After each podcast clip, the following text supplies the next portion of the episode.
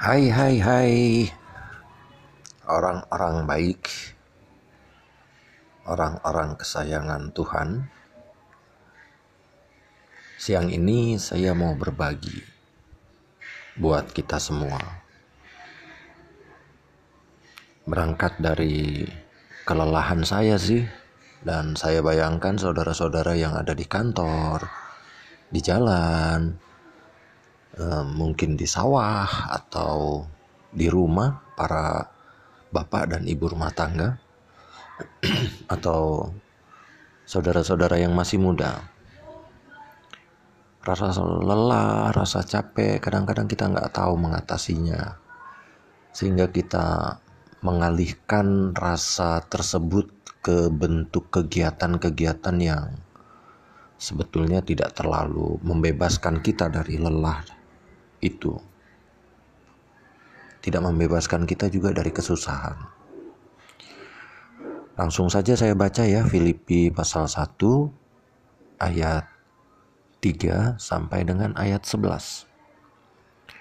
Aku mengucap syukur kepada Allahku setiap kali aku mengingat kamu dan setiap kali aku berdoa untuk kamu semua. Aku selalu berdoa dengan sukacita Aku mengucap syukur kepada Allahku karena persekutuanmu dalam berita Injil mulai dari hari pertama sampai sekarang ini. Akan hal ini aku yakin sepenuhnya, yaitu Ia yang memulai pekerjaan yang baik di antara kamu akan meneruskannya sampai pada akhirnya pada hari Kristus Yesus. Memang sudahlah sepatutnya aku berpikir demikian akan kamu semua. Sebab kamu ada di dalam hatiku oleh karena kamu semua turut mendapat bagian dalam kasih karunia yang diberikan kepadaku. Baik pada waktu aku dipenjarakan maupun pada waktu aku membela dan meneguhkan berita Injil. Sebab Allah adalah saksiku betapa aku dengan kasih mesra Kristus Yesus merindukan kamu sekalian. Dan inilah doaku. Semoga kasihmu melimpah dalam pengetahuan yang benar dan dalam segala macam pengertian.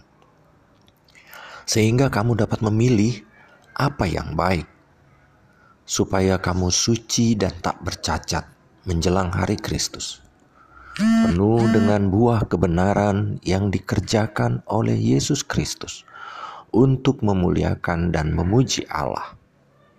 Demikian tulis Paulus kepada jemaat Filipi dari balik jeruji besi. Hebat bukan, saudara-saudara? Kalau orang dalam penjara, dalam jeruji besi itu bawahnya resah. Karena nggak ada kerjaan suntuk. Kalau orang dalam jeruji besi itu bisa saja gelisah. Karena dia tidak tahu mau jadi apa. Bagaimana kondisinya.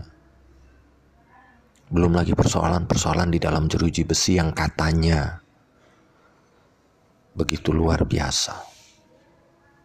Kekerasan yang sering kali terjadi. Ya, mengerikanlah. Nah, lantas Paulus bisa tulis surat seperti ini, saudara-saudara. Surat yang meneguhkan hati dan iman orang Filipi. Berangkat dari tempat sengsaranya, ini menarik saudara-saudara untuk mengatasi keletihan kita pada siang hari ini. Sebab mungkin saja kita sudah ada yang terbelenggu atau terpenjara dalam pekerjaan. Sehingga merasa bosan, gelisah. Bosan karena kerjanya itu-itu saja, gelisah karena kerjaan itu ternyata tidak menjanjikan gaji yang akan menjamini hidupmu ke depan, dan banyak lagi alasan-alasan lain. yang menarik kita simak dari surat Rasul Paulus ini, saudara-saudara, yang pertama dia rasa syukur dulu. Walaupun di penjara dia syukur, saudara-saudara. Kalau ditanyain kepada saya, dulu Paulus itu bersyukur karena apa di dalam penjara? Ya saya juga nggak tahu dia bersyukur karena apa. Ada-ada aja Paulus, gimana bisa bersyukur dalam penjara? Tapi yang menarik dia bersyukur kepada Allah.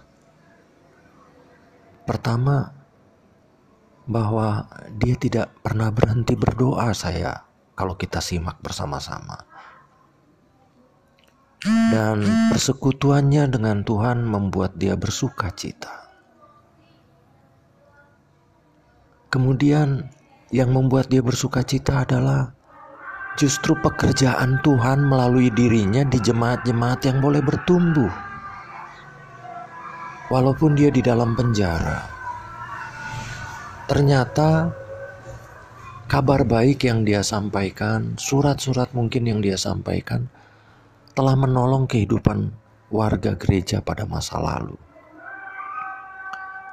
Dan yang menarik lagi saudara-saudara adalah ketika dia katakan kepada Filipi jemaat di Filipi yaitu ia yang memulai pekerjaan baik di antara kamu akan meneruskannya sampai pada akhirnya pada hari Kristus Yesus. Artinya saudara-saudara, Paulus mau mengakui bahwa dirinya tidak mungkin memberikan pekerjaan yang terbaik dan tuntas, sempurna. Tapi dia hanya mau dipakai oleh Tuhan. Dan dia mempunyai keyakinan kalaupun dia tidak bersama dengan warga Filipi, walaupun dia tidak mengajar warga Filipi secara langsung, tetapi Tuhan akan menuntaskan itu semua. Tuhan akan menyempurnakan itu semua. Artinya Tuhan tidak tergantung kepada kekuatan tertentu apalagi kekuatan Paulus yang sedang dalam penjara. Tapi iman Paulus mengatakan bahwa Tuhan mampu melakukan semuanya.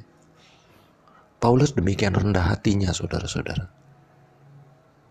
Dia tidak sombong, dia tidak menganggap bahwa segala sesuatu itu harus tuntas di tangan saya. Tetapi dia memberikan yang terbaik dari dirinya ketika mengembalakan. Dia memberikan yang terbaik dari dirinya ketika dia berdoa bagi seluruh umat. Bukankah ini boleh menjadi inspirasi bagi kehidupan dan kerja kita.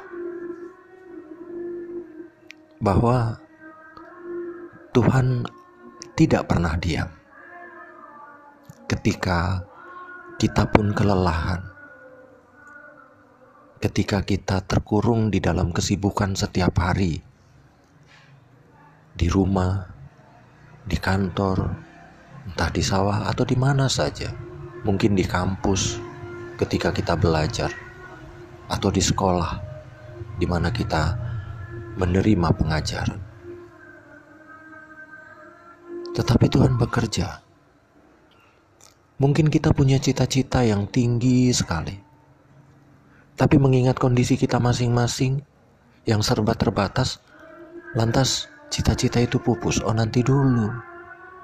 Tuhan bekerja dan itu terbukti saudara-saudara Tuhan bekerja sejak masa lalu dalam kehidupan Paulus, setelah Paulus dipenjarakan, bahkan setelah Paulus mati.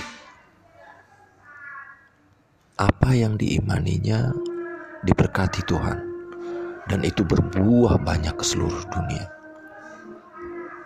Salah satu di antaranya ya saudara yang tengah mendengarkan siaran ini itu bukti bahwa Tuhan bekerja. Oleh karena itu, saudara-saudara, lakukan saja yang terbaik dari dirimu.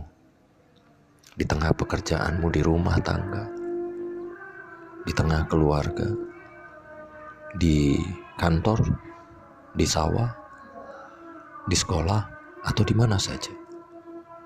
Karena Tuhan masih bekerja dan akan tetap bekerja karena Tuhan akan tetap memberkati.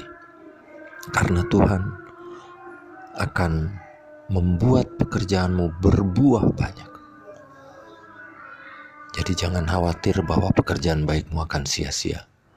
Kecuali kalau kita mulai berpikir tentang perut. Kalau mengizinkan Tuhan bekerja dalam kehidupan kita, kalau cita-cita kita melalui pekerjaan kita masing-masing adalah cita-cita milik Tuhan, maka kita akan dengan rendah hati mengatakan, Tuhan, inilah aku. Jadikanlah aku alatmu. Selamat siang, selamat menyambut santap siangnya, dan kemudian melanjutkan kerja kembali. Tuhan besertamu. Sampai jumpa.